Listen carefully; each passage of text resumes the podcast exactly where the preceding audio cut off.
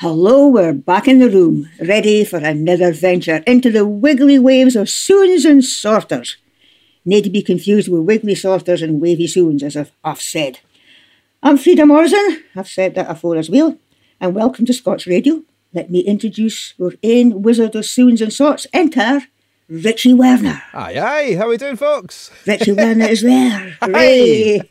Richie, Aye. Richie, Richie, it's nearly spring. It's no, is it? Aye, and some would say it is spring. D- Some really? some would say, aye, magical time of the year. Have you been out in the garden with the bairns? Uh, do you know, I've, I just went for a nice wee walk along the Waterleith just before the show, so that was good fun. Went away expl- and we had a lovely song from a gorgeous little Robin who was singing for his supper, and he got a wee bit Aye, of the breed birds are singing. for his are singing. and have you been out, out in the snow with the bairns? Aye, we're out in the snow, out in the ice. Uh, Isabel did an amazing sort of Supergirl stoosh along the lawn the other day and got absolutely siping, but uh, she loved it, so that's the main thing, eh? Oh, and there's a he's a suppers to enjoy, our shapes and sizes, happening all over the world in their virtual mode this year. And the speeches, the toasts, and the haggis, the music, the songs, and the company won't fit a time, a time for hope. Aye. And that's going to be our theme in this episode. Hope. Richie, I hope you've you've had a burn supper as well. Aye, we had a right old ceilidh actually. We, we must have danced the same gay Gordons four times because the girls kept on wanting me as their dance partner. So we were up and doing that that dining room like nobody's business. Oh, lovely. Aki, just to tack us into the gunnels of the programme, is Duncan Chisholm. This is Faye Duncan's CD Sandwood. This is Perfect Storm.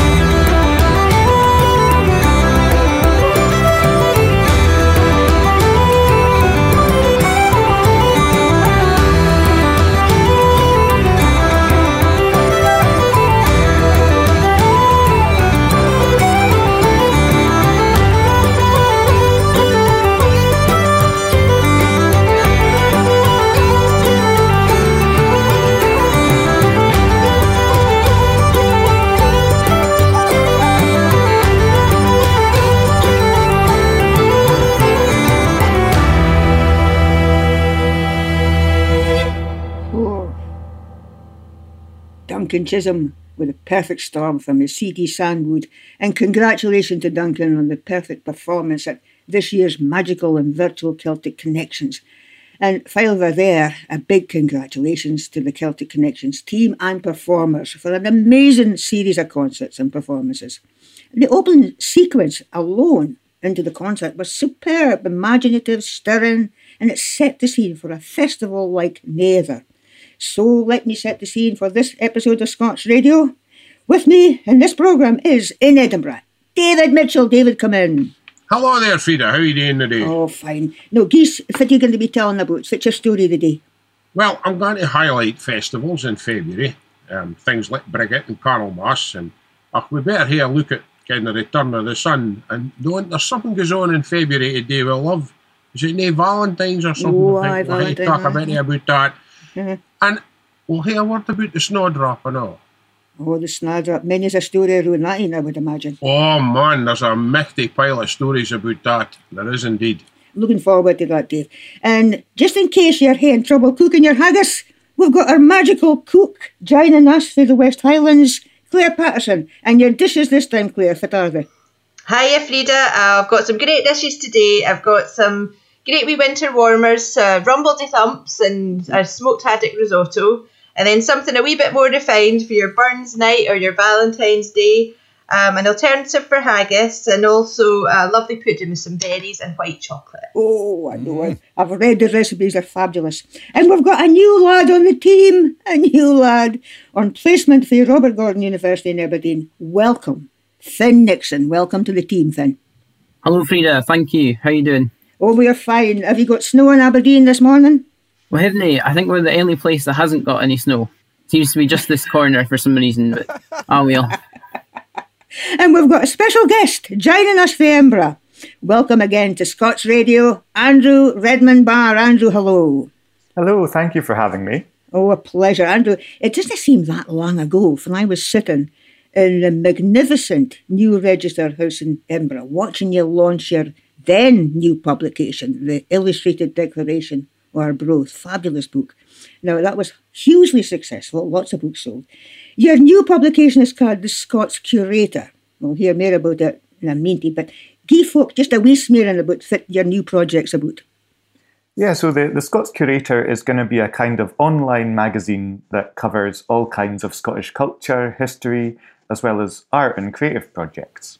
I think it's just the right time for that. Absolutely great. We'll hear more about it though in your new project, The Scots Curator, after this track for Breabach. This is the title track for the album and our featured album this episode. This is Frenzy of the Meeting.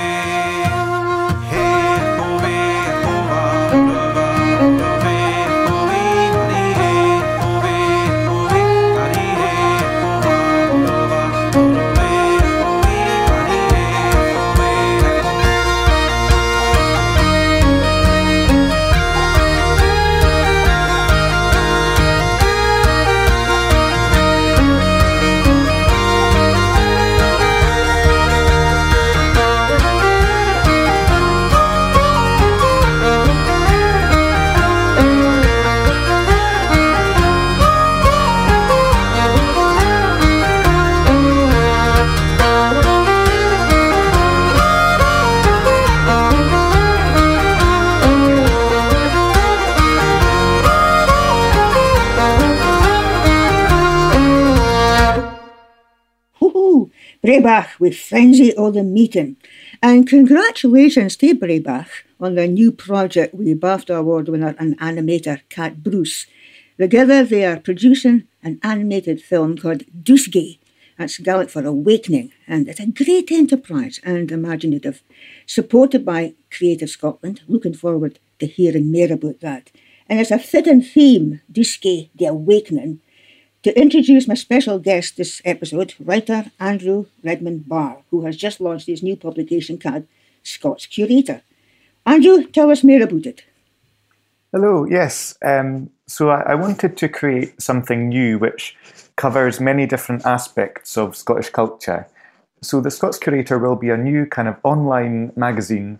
It will cover Scottish history, culture, art, literature, all sorts of different things. So somebody might follow the Scots Curator if they are interested in history, for example, but then as well as seeing things to do with history, they might also find something to do with uh, a new film that's come out or an art exhibition. So the point is, whatever aspect of Scottish culture people might be interested in, the Scots Curator will hopefully cater to that, but it will also help you to discover new things. So it's all about discovery. It's all about allowing people to find new things and see what's going on in Scottish culture.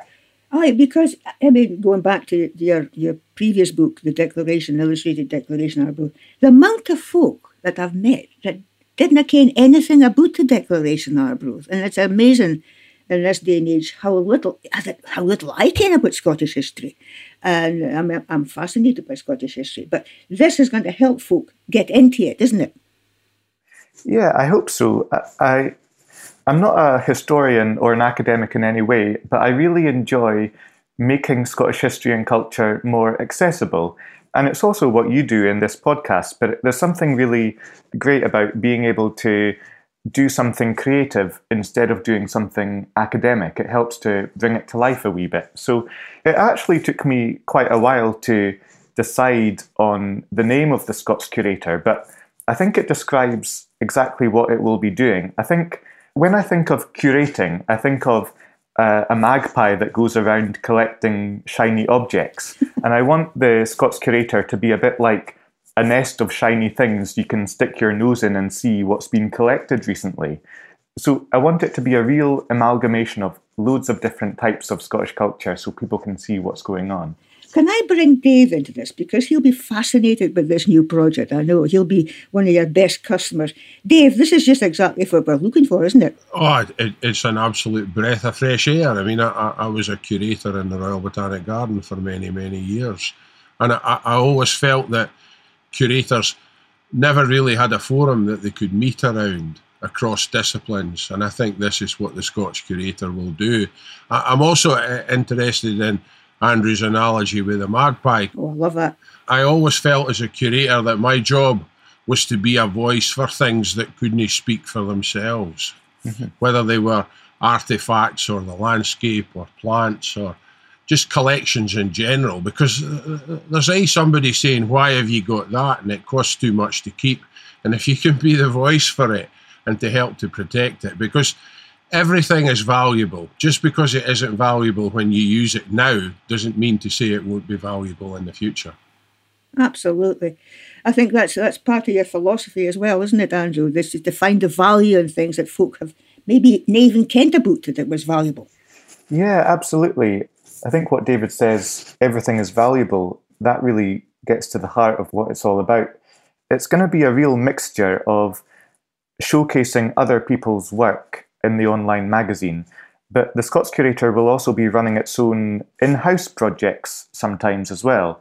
In the future, it might even print books or run events after the pandemic. So I think there's a lot of potential in it, and I'm excited to see where it goes. But I'm, I'm really delighted at the response it's had so far. Aye. I, I think you'll find it's welcomed with open arms, Andrew, by people in many different disciplines.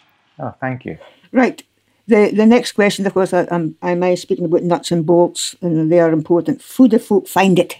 Ah, the, the Scots Curator is available on Facebook, Instagram, and Twitter. And there's also a website which is scotscurator.com. Now, uh, another question is it free or is there a charge? It's totally free. Yes, it's totally available to anyone who wants to go in and, and find out more.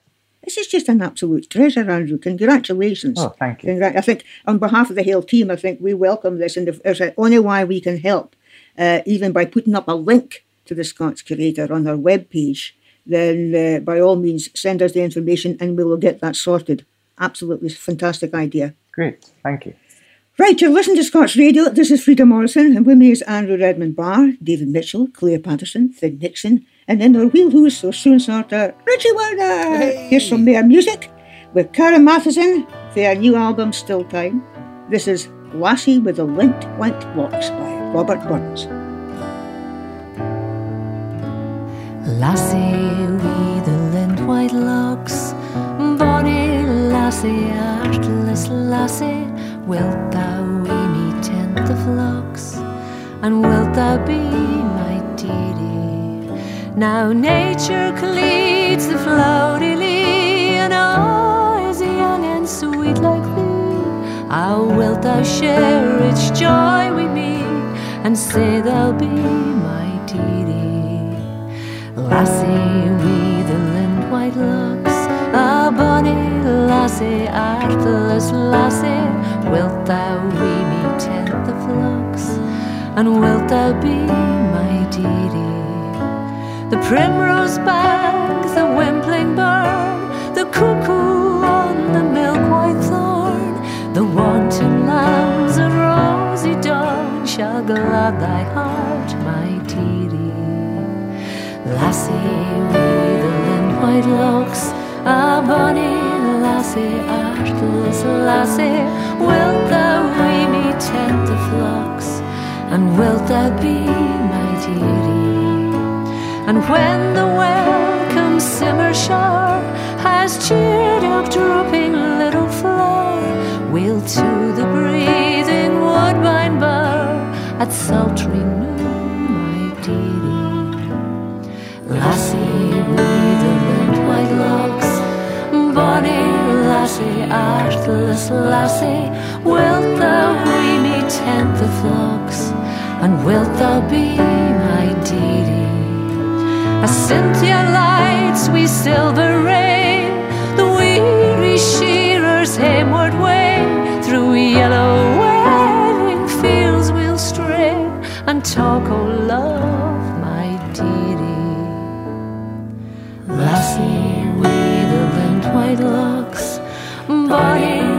lassie, artless lassie, wilt thou lay me the flocks, and wilt thou be my dearie?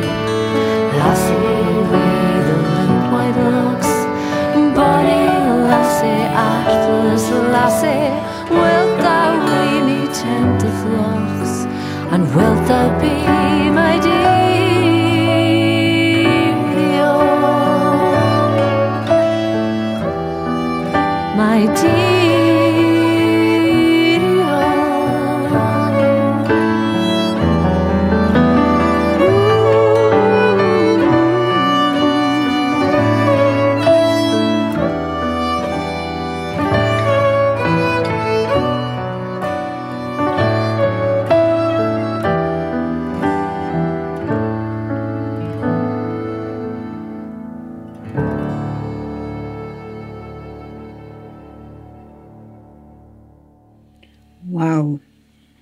Matheson with Lassie with the linked White Locks. Their new album, Still Time, and it's highly recommended. And Karen says in her notes, this song was written in 1794 for young Jean Lorimer, and this was considered the best of the 24 versions, 24 versions written for her. Your Robert Burns, he persevered, eh? He was keen, aye. 24. Well, what can I say? Andrew, your first feature in the Scots Curator is about Robert Burns. What would you say was his contribution to us today? I ken that's a question that's often asked, but it's very relevant to new. Yeah, I think Burns has left Scotland with such an amazing legacy, both in poetry and song, but also a way of kind of articulating ourselves and articulating lots of different things. I think he's given people confidence to explore their own languages and history and culture.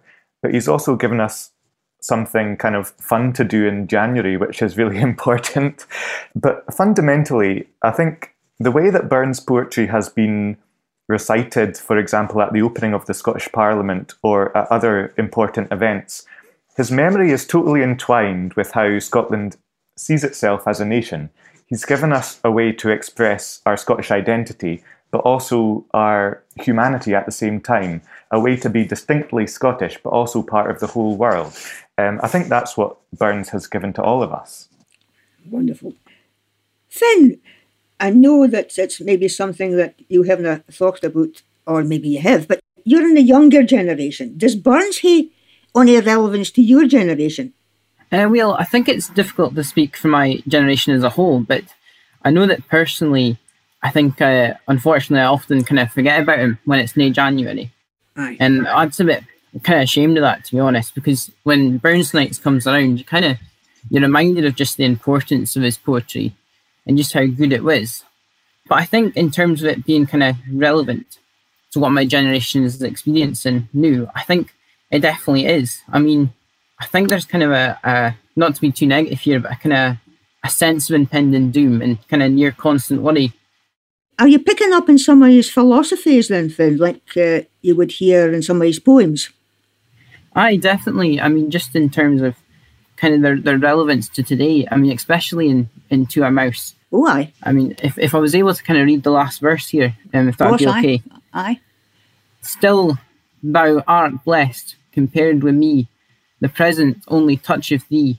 But och, I backward cast my ee on prospects drear, and fancied though I canna see, I guess, and fear. We couldn't have put it better than that, Finn? We guess and fear, but you know, uh, the theme of this programme is hope. what about you, Wayne? Is there anything in Burns that you would say, yeah, that speaks to me? Oh, Frieda, that, that, that, that's a huge question. I was born in Dumfries. I'm a Doonhamer. I mean, Burns is in my bones. He's been part of my life. I, I think the greatest gift to me personally is the fact that he's a passport to the world. Wherever I've travelled in the world, and as you know, I've travelled a lot, there's a somebody says, Can you recite Burns? And, you know, I, I, I, it's just going back to a moose. Just, just the first line, we couldn't timorous beastie. Every word he writes is filled with emotion that goes right into your heart. It makes your body tingle. You've got lovely way of putting things, David. You kind of bring us into what you're speaking about. I love that. Right, thank you for that, Dave. Thank you. And Finn, thank you very much for that as well. No, changing the scene directly. It's maybe just something that us Teuchters notice, but I'm definitely seeing a change in the left. And birdies are singing. There is hope. It's the spring awakening, as Frank Wedekind would say. With spring has sprung. David Mitchell o' that ilk has been bouraching in through some of his seasonal festivals, starting with the Harbinger of Spring. I spring. I will leave Dave to tell you more. Well, you can, Frieda. Eh, this time of year, it, it's all about the return of the light and hope. And we can see that in the three big festivals of February. You get, you know, them Valentine's you'll all ken about, but the, the other two are St. Brigid's Day or Imbolc, the old Celtic festival of spring. A lot of folk probably didn't think about or haven't have heard about. Um, as I said, it was originally called Imbolc. It was one of the old Irish quarter days, but the origins of it are kind of lost um, now that it's inter- intertwined with the Feast of St. Brigid. It falls on the 1st of February, but it is thought to be connected with ancient beliefs concerned with the reawakening of the land, the return of the sun, rebirth, the start of the lambing season. It really was a Celtic festival of spring. Now, it gets a bit of confusion here because these days, depending on she bide, St. Brigid's Day is kent by other names, just like the lass herself. Sometimes she's called St. Bridget, sometimes St. Bridget of Kildare, even Bridget of Ireland. And in other parts of the Western Isles along the Atlantic seaboard, she's kent as Brithid, where she's respected as the patron of women in childbirth. She's even sometimes referred to as Mary of the Gael. Now, just to mark mere confusion, St. Brigid's feast actually falls on the same day as the feast of a much older Celtic goddess, Brigit, the goddess of fertility. Marian McNeill refers to this. Oh, Marian McNeill, the, Marian uh, McNeill, the the ever folk- present uh, author of the, the Scottish Cookbook, of course. Yep. Aye, and, and of course that famous series of books, The Silver Bough, that looks Aye. at our mythology and folklore and culture. And in that, she tells you the story about how St. Bride, as she's known in the Western Isles, is a legendary figure symbolising the transition from a goddess to a saint. Because yet again, it would appear that the Christian faith borrowed a Celtic goddess to celebrate a particular day in the year. And for those of you who've got a good knowledge of art, there's a wonderful painting held in the National Gallery of Scotland by the Scottish artist John Duncan entitled simply St. Bride. Do look it up on their website. It's a wonderful work. David, can I ask you about Candlemas? When does that start? When does that come in? Well, you know, Candlemas actually falls immediately after St. Brigid's Day on the 2nd of February. Ah. And it's one of the old Scottish quarter days. It f- also is connected with a period of little sun during the three winter months. It's even connected with the actions of the one eyed Cailleach, the wild hag with a venomous temper. Again, she, she, she was a buddy with a magic wand and she blasted vegetation, man and beast, and got in a right rage in the winter. And all that rage and passion started to disappear about Candlemas, the 2nd of February, with the arrival a bride. We silenced her and calmed her, but I guess she, she was a stubborn thing. She sometimes hang about the All Wife's Day, 25th of March. But Candlemas is really that festival of light in the Christian faith, and it actually falls 40 days after the birth of Christ on the 25th of December. Now, you're going to love this debate, Frieda, because I guess this, it's, I I guess find it's going to come. I I, I tell come. you about this, you're scaling before the day, but in the Middle Ages, the tradition was that you kept your Christmas decorations up till Candlemas, Hooray! and you but you had to take them down on the night of Brigid's Day, the first of February. I approve. Now that's totally different to the more modern tradition of taking them down on the sixth of January. Right, that aside, David, I'm just going to ask you one more question, okay? Witch hazel. Was you the one that told me about that being the queen of Candlemas, that plant? Well, I, the, I, I tell you that in the last programme that, that, Ah, again, that we did, that it, there was right. a poem about witch hazel being the queen of Candlemas. But there's another plant associated with St. Bride and Candlemas and this time of year, and that's the snowdrop. It's also got a connection with Valentine's Day. But just keep an eye out because they're supposed to start to flower about the 1st or 2nd of February, and they're sticking their heads up above the snow in my garden now. And mine as well. Mr. Dave, thank you. And we'll hear more in the meantime about Valentine and snapdraps. Uh, more to come. This is another fair featured album, Frenzy of the Meeting, the This is The Western Isles Dance.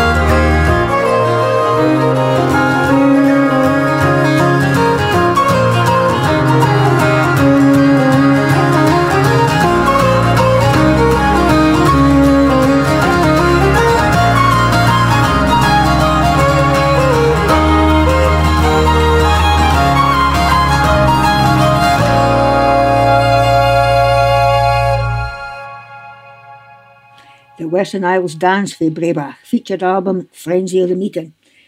Now, as temperatures plunge and snow and ice cover the land, there's nothing can beat Gweed winter food. And there's no money better at creating that than our programme cook, Claire Patterson. Beaming to us for the Northwest Highlands. Right, Claire, fit fine foods are you sorting out for us this time?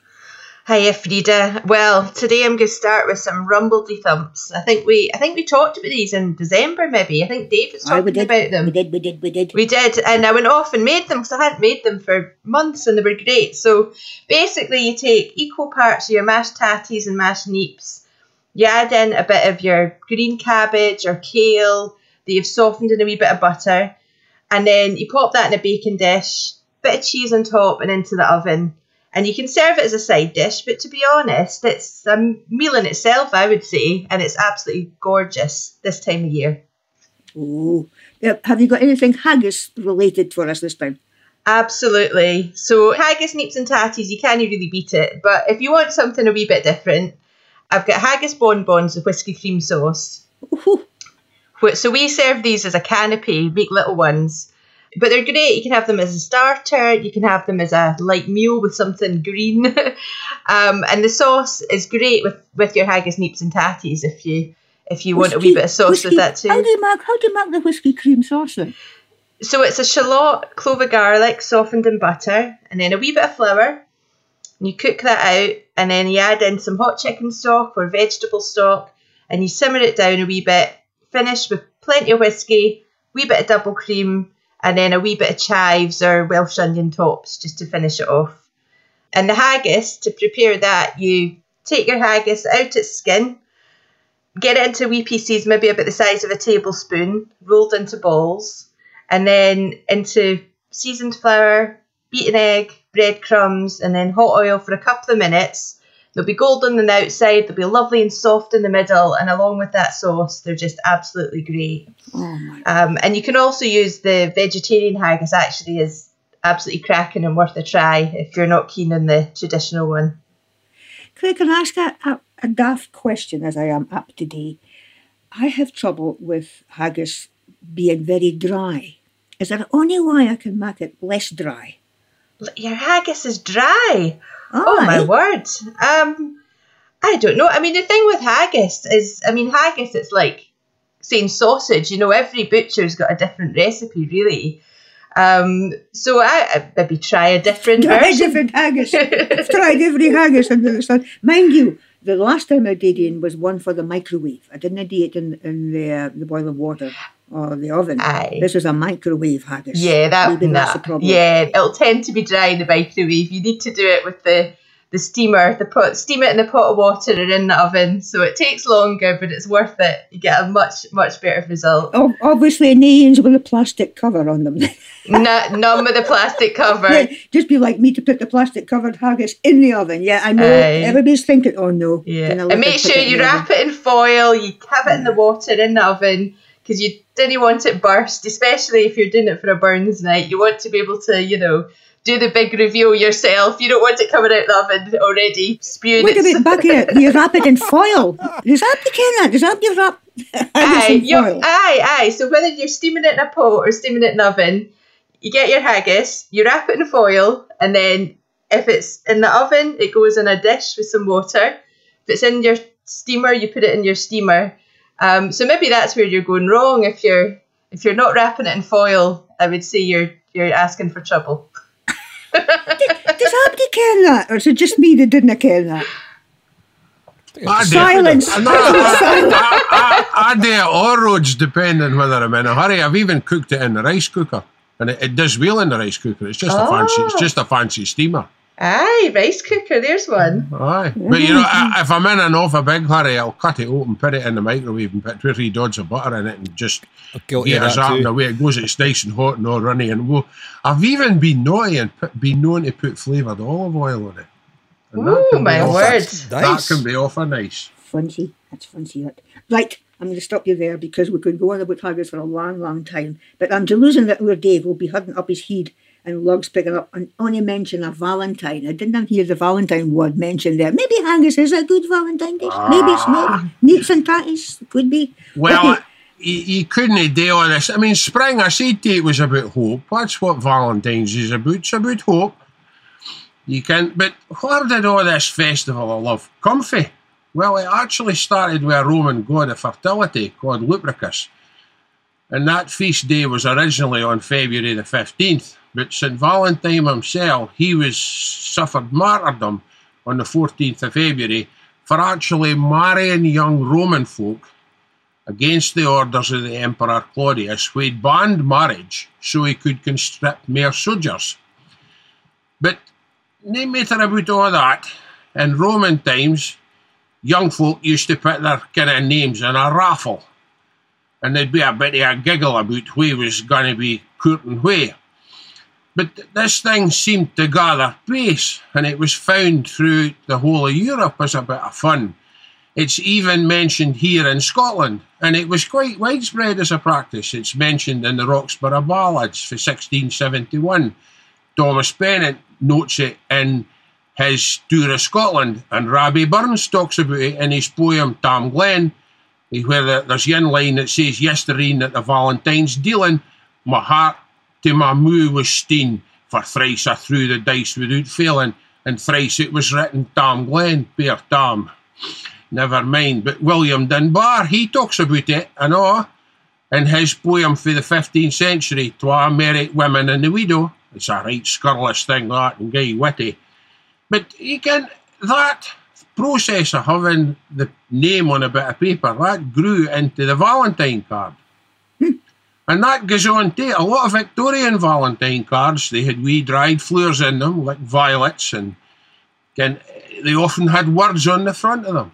A lot of them written by Robbie Burns. Ah, fair art thou, my bonny lass. What could resist that, eh? You know? But now we've gotten all that romance out of the road, I'll leave it to you. What about this nature? Well, I looked for an awful nice poem that linked spring and everything happening, and found this work called The Love of the Land. And it was written by Lady John Scott, who's best remembered today for rewriting the words of the song Annie Laurie, that was originally written by William Douglas about a young lass whose father wouldn't let her marry and I just I just love it. The whole poem's on the Scotch Poetry Library website. I'll just give you the first verse. The coming o' spring. There's nae muir in all my land, but's fu o' sang the day, with the whap and the gowden plover and the linnet on the brae. The birken in the glen is springing, the round tree and shaw, and every burn is running with the melting o' the snow. In mony a nuke the primrose lies, hid fae stranger een, and the broom on the knowes is waving, wi' its gowden green. Ower the first green springs ahead her, the muir falls on his wing, and there's naught but joy in my heart as the land at the coming o' spring. Oh, David, you know, every programme we do in Scots radio. And we're into our eighth year now. Richie and me have been together for eight years. Difficult to understand, but we have me. eight years. Every programme has been different. In this programme particular, I think it's more, we're more reflective. We're reflecting on a lot of the coming of thing, the passing of Christmas and the passing of winter. And I think it's very applicable that that poem is just so, so right for the for the moment. Thank you for that, Dave and we'll be back to you in a minute and hear about the stories. Aye, you're welcome. Uh, the last wee bit's about snap piercers, but we'll keep that for a minute. Snap piercers, the simple snagger up. No, I'm nae going to embarrass our new lad, Finn Nixon, with only reference to Valentine. But Finn, as a young student in Diggs Neighbourdame, I'm going back to that uh, Claire was speaking about, the food and preparation. And you under lockdown, do you cook for yourself? Well, that's all may as embarrassing to be honest, Rita. I'm not much of a cook myself, but I've been trying to stay away from eating too much takeaways and ready meals. I'm quite lucky though, my flatmate, he's a good cook and he, he made us up a haggis on Monday night. Oh, So I that was just smashing. But I must admit, um, I didn't know you had to put it in boiling water, so ours did uh, our haggis did burst, unfortunately, but still tasted mighty fine. oh, great. How long have you been in lockdown? Well, the last time we were on campus at university was March. So uh, it's been a while. We've just been doing online Almost classes. a he- whole year, a whole year thing. Ah, it's quite quite unbelievable to be honest. Have you had virtual classes since then? Just, I think, on virtual virtual mode. I, it's all been online, so Zoom calls and things like that. And I, it's been it's you got used to it pretty quickly, like, but it has been weird. I must admit. Did you manage to get home for Christmas though? I did. I was lucky. Um, managed to get home for Christmas. I'd managed to get a test and get home, but it was a wee bit complicated to start with uh, because I found out that I might have to self isolate when I did get home because one of my contacts had tested positive, and that was the night I'd just arrived home. So I was a bit of a worry, but it it all came through okay. And No. So you, you got him, and you got this email or something, and then you had to isolate for two weeks, was it? aye, that's right. Aye. well, you can us. We intend making you feel welcome. You've been through the mill. Uh, we intend that anyway. What do you think, group? Did we say welcome to Finn? Oh, it's, Officially it, welcome. it's, go- it's Aye, grand to have Finn on board. Crater's been through it, I think. oh man, getting him at Christmas, then being put in the lockdown. You can us. Anyway, we'll, we'll be nice to you, Finn, and we'll encourage you. And as I said, you're welcome on board. Andrew, how have you been coping with lockdown in Edinburgh? Has it been okay? Yeah, it's been fine here. You mentioned the 700th anniversary of the Declaration of Arbroath at the beginning of the show, Right. and those kind of commemorations last April were kind of just on the cusp of events that were having to be cancelled at the time. Absolutely. But it's nice to hear you play some of Breabach because we had Breabach lined up as a as a headline act That's right. yep. um, that was going to be playing in our booth. So yeah, apart from that, I've been drawing a lot in lockdown. Aye. I don't drive a car, so I've been dreaming about all the places that I might like to go and drawing them out in maps and things. So yeah, that's me. But uh, Good for you. Good for you. Yeah. Coping. That's we're just are coping, and uh, some of us are enjoying the coping, and maybe just taking things a bit slower, noticing things that we didn't notice in normal times. If normal times will ever come back, we'll just miss them again. Bit of music new. This is Tidelines. We innocent and beautiful.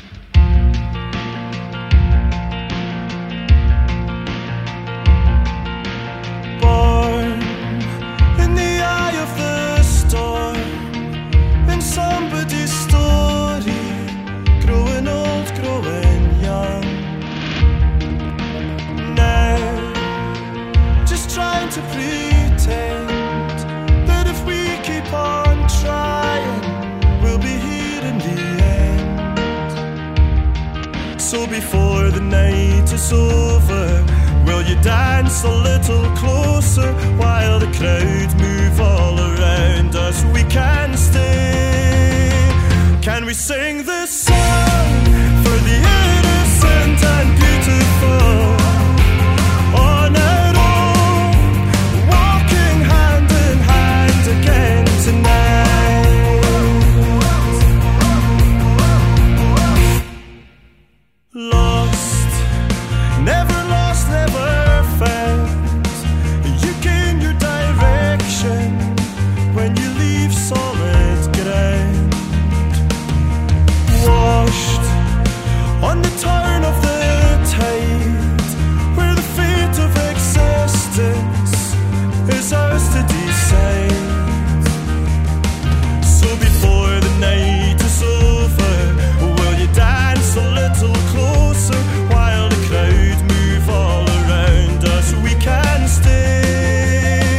Can we sing this song for the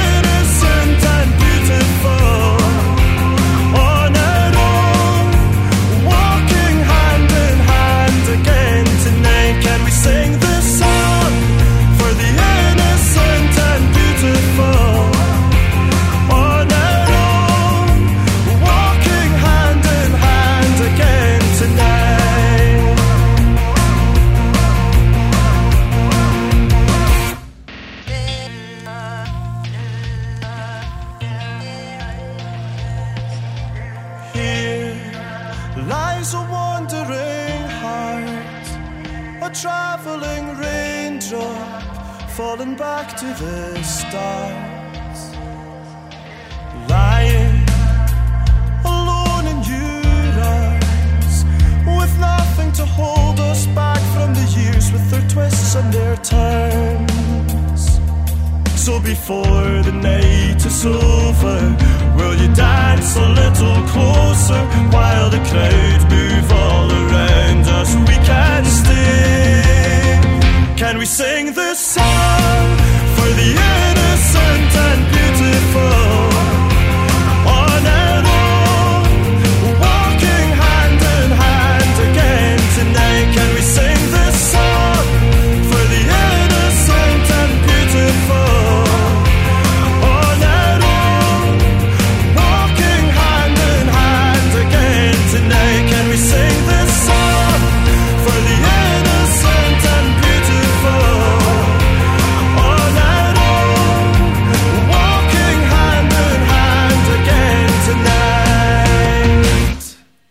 Wonderful. Innocent and Beautiful for Tidelines with an album Eye of the Storm and a few of, few of us have seen a, a few storms this last few days. Well, if winter come, can spring be far behind? Question asked by poet Percy Bysshe Shelley in Ode to the West Winds. I think it was Ode to the West Winds. And the answer, aye, it can be. But that's neat to say that I think is far ahead. Or David Mitchell, again, has been looking into our favourite harbingers of spring. The platform is yours again, Mr. Mitchell. We're working you hard this episode, Ah, you. you're keeping me busy and out of mischief. You can. Uh, Oh, a good thing. I need kept occupied in lockdown. You can. But the, the snowdrop, or, or the name I really love is snow Snowpiercer. Oh, that just sums it right up. You know, its Latin name's Galanthus nivalis, um, but it has a lot of other common names. Funnily enough, Candlemas bells. It's one of Mary's flowers, so it's sometimes called Mary's taper. It's also called February fair maids. It's even called Eve's tears, and there's a long story behind that today with when Adam and Eve were put out of Eden, supposedly. But here it is, poking its head up in the spring. It's been borrowed by the Christian faith as a symbol of hope and rebirth and sympathy. There's even a poem called An Early Calendar of Church Flowers, which dates for the 1500s. And the first line of that, the first line of that, is the snowdrop, purest white array, first rears its head on Candlemas Day. And that calendar goes on to describe flowers for all the different festivals throughout the year. But we'll, we'll maybe hear more of that in another programme.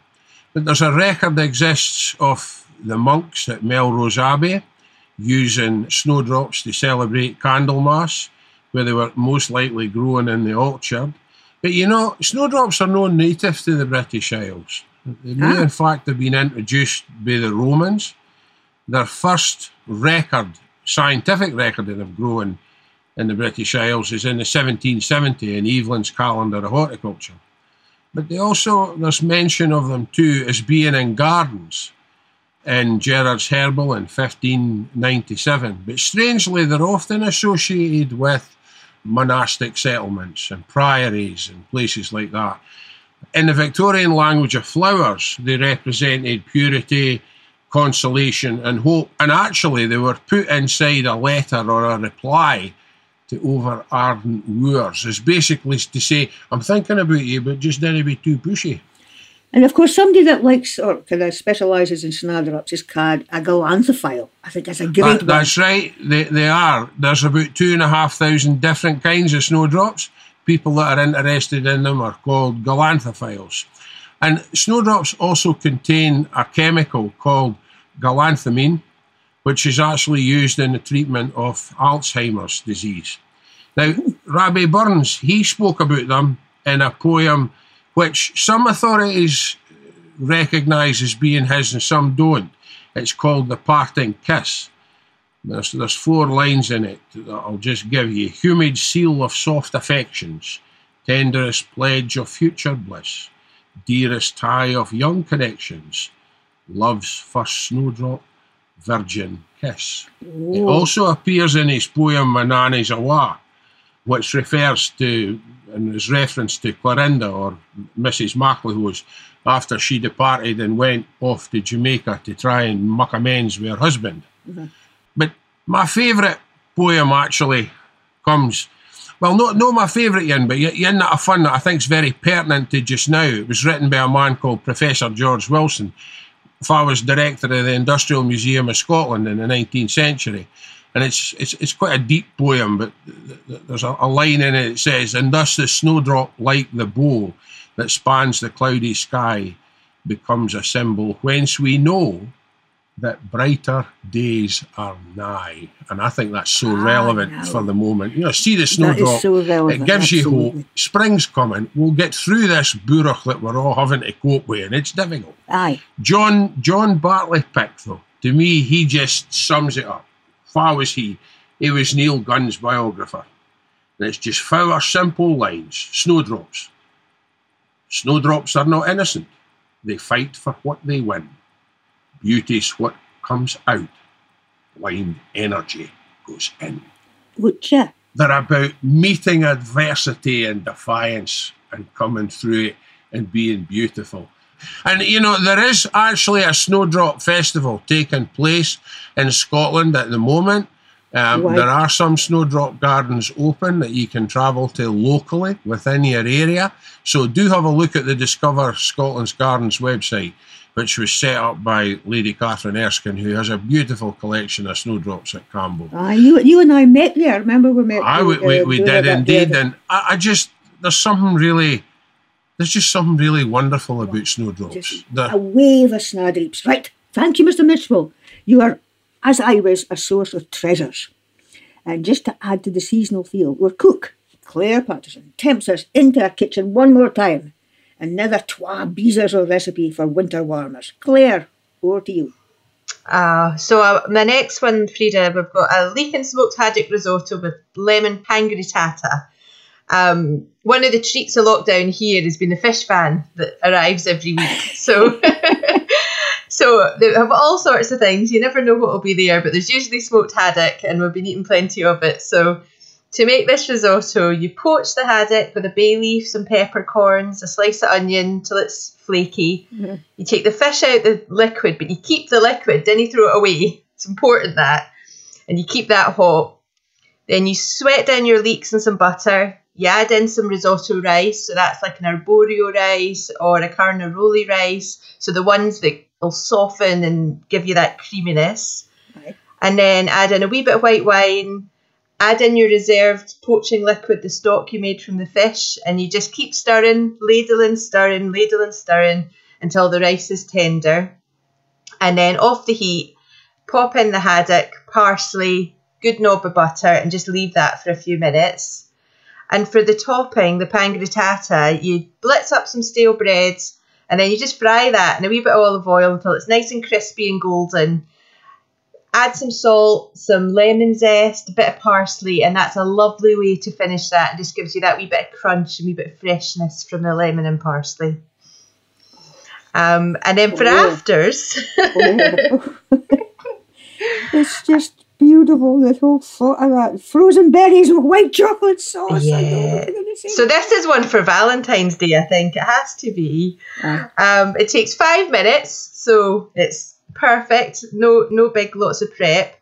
Um, and it's great when you've got all your berries you've maybe picked in the summer, you've got in the freezer, and you basically a wee mixture of those on a plate. So I use maybe some raspberries, a few black currants, some brambles, a few red currants, and you just sort of arrange those in a dish in a single layer. And then the sauce is a small pot, so a wee quarter pint pot of double cream, and maybe about 100 grams of white chocolate, which you melt together on a low heat. And at this point, if you want to make it really special, you can add a wee a wee nip of something, some whiskey, some kirsch or Grand Marnier, all work really well here. And then when you've got your berries arranged in your dish, you pour over the sauce and it's ready to serve. So you've got the berries melting slightly, the hot chocolate sauce is kind of just lovely and sweet. The berries are a wee bit sharp and it just looks beautiful and it tastes absolutely delicious. and just ideal for a Valentine's meal. A Valentine's pudding just to finish off a great meal. Oh, Claire, you're just excellent at this. Well, that's just about us for this episode, but we've got another wee treat to finish. Tippermuir Books sent us a recording of writer Irene McFarlane doing a poem called Burns Necht 2021.